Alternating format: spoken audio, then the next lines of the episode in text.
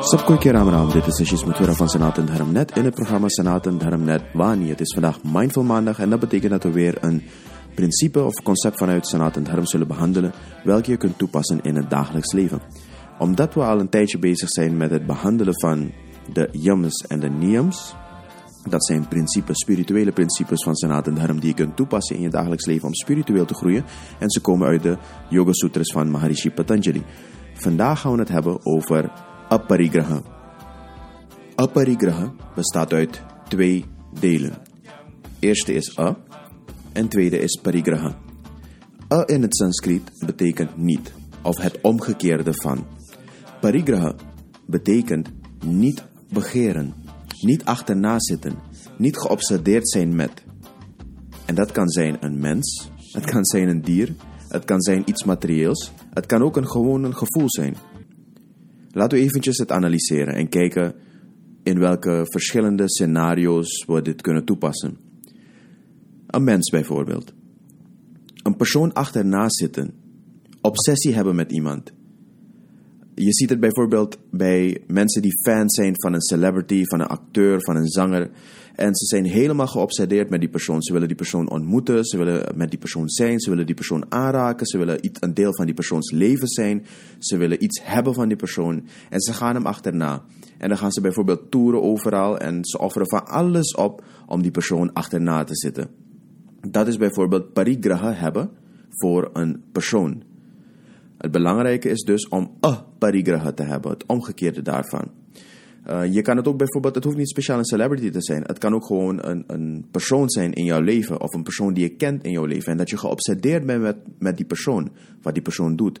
Waar die persoon gaat. Hoe die persoon leeft. Wat die persoon eet. Dat je een deel wilt zijn van die persoons leven. Of dat jij iets wilt hebben van die persoon. En dat je om dat te krijgen van alles opoffert en van alles vernietigt om dat te krijgen. Het is bijna een verslaving, zou je kunnen zeggen.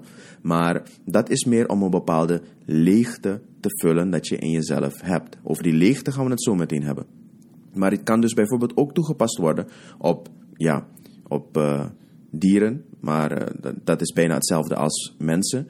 En het kan ook bijvoorbeeld een gevoel zijn of iets materieels zijn.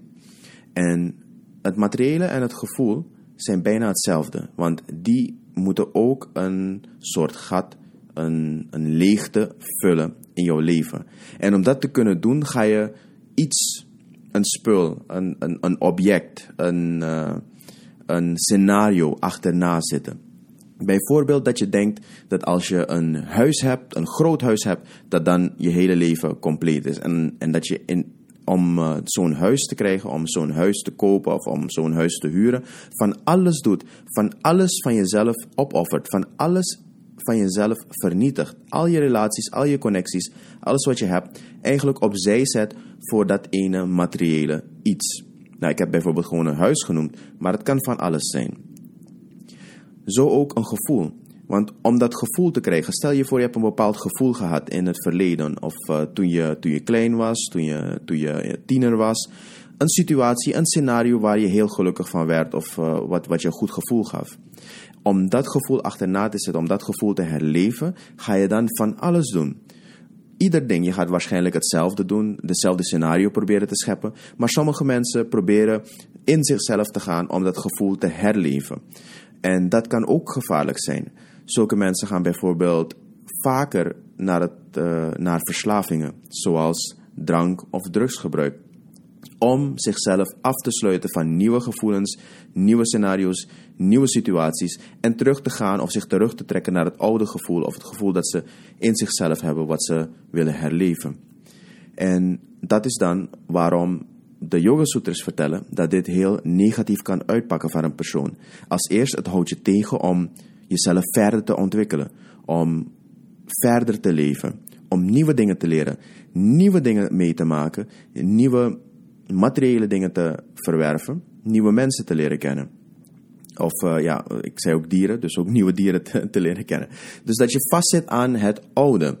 En um, of zoekt naar een bepaald gevoel of scenario. En wat je dan doet is niet alleen sluit je af, dus niet alleen ga je niet nieuwe dingen leren kennen, je zit dan vast in jouw eigen innerlijke gevangenis dat je voor jezelf hebt gecreëerd. Aparigraha is dus het creëren van je eigen innerlijke gevangenis. Dat is tenminste een korte manier of een simpele manier van, uh, van het uitleggen. En waarom de Yoga Sutras uitleggen dat dit heel belangrijk is om te overwinnen, is dat iemand die, die dit heeft overwonnen in staat is, en je doet dat door middel van zelfreflectie en het besef van de gevolgen van zo'n begeerte van parigraha. En het effect daarvan is dat zo iemand begrip zal krijgen over zijn eigen karmische cyclus, oorzaak en gevolg. Dat je precies gaat weten wat jouw gevoelens jou zullen opleveren, wat jouw handelingen jou zullen opleveren, of ze nou positief zijn of negatief, zowel voor jou als voor anderen om je heen. Dus de Yoga Sutras zeggen: Aparigrahastherye janma kathanta sambodha. Zolang je begeert en gefocust bent om mensen of gevoelens of het materiële achterna te zitten, zie het groter geheel van het leven niet. Je ziet dan de bigger picture niet van jouw eigen leven. En daarom is het belangrijk om aparigraha te hebben of te praktiseren in het dagelijks leven. Nou, dat was het voor deze week. Um, ik hoop dat het lukt om dit toe te passen, om hierover na te denken, om hierover te reflecteren. Met wat ben jij geobsedeerd? Wat uh, zit jij achterna? En wat voor effect heeft dat op jouw leven? Welke mensen, welk, wat voor een situatie, wat voor een gevoel probeer jij constant te herleven? En wat voor effect heeft dat op je eigen leven? Denk daarover deze week na. Komende vrijdag zijn we terug met Vragen Vrijdag. Tot dan, heb een productieve week. Sapkoi Keram Ram. Saraswati Devi